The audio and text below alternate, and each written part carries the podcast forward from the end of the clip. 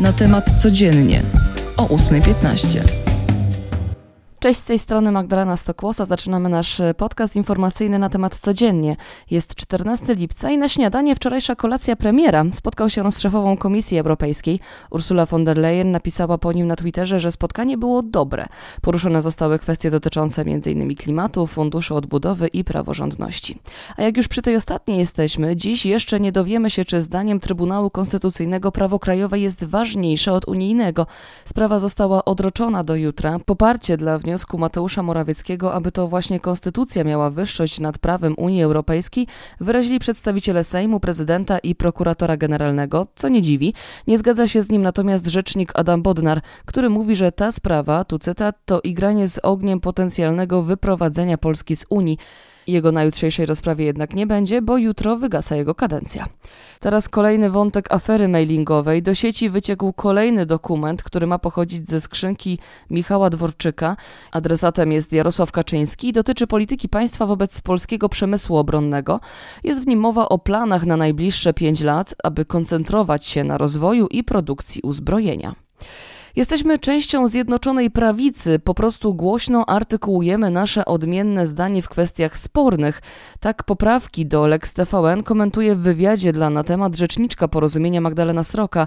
Partia Jarosława Gowina nie godzi się na zmiany, które chce wprowadzić PiS, ma za to swoje. Chce do projektu Marka Suskiego dopisać, że koncesje na nadawanie będą mogły uzyskać podmioty z państw należących do Organizacji Współpracy Gospodarczej i Rozwoju, w tym m.in. do Stanów Zjednoczonych, a nie tylko z Europejskiego Europejskiego Obszaru Gospodarczego.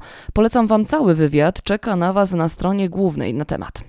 Teraz o szansach na zastrzyk gotówki. Dziś ruszają dwie loterie Narodowego Programu Szczepień i Spisu Powszechnego Ludności i Mieszkań. W pierwszej do wygrania 5 nagród po 50 tysięcy złotych i 60 hulajnóg elektrycznych, a w drugiej 16 samochodów osobowych.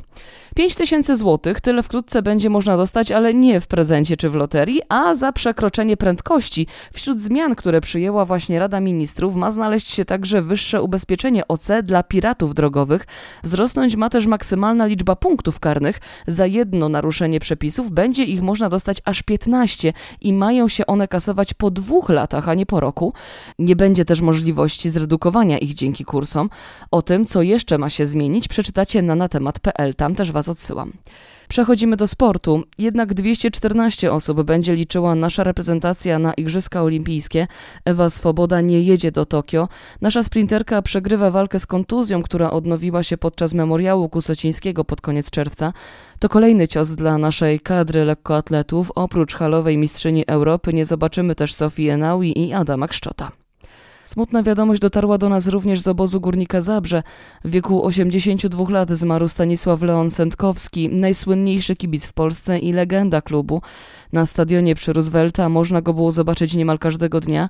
To właśnie pan Stanisław od lat obwieszczał rozpoczęcie meczów Górnika dzwonkiem, który dostał od księdza z zakonu Paulinów na Jasnej Górze.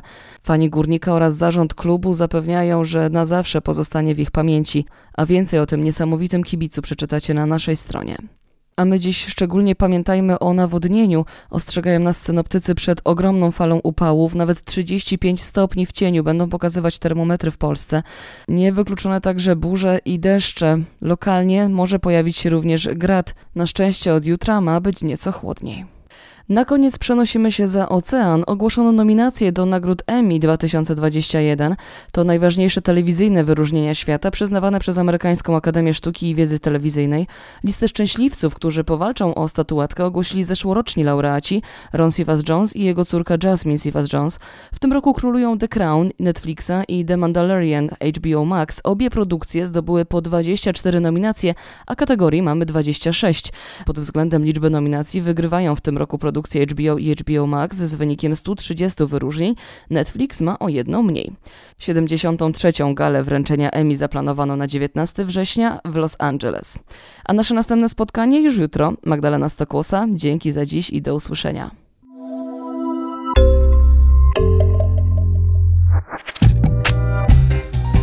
Na temat codziennie o 8.15.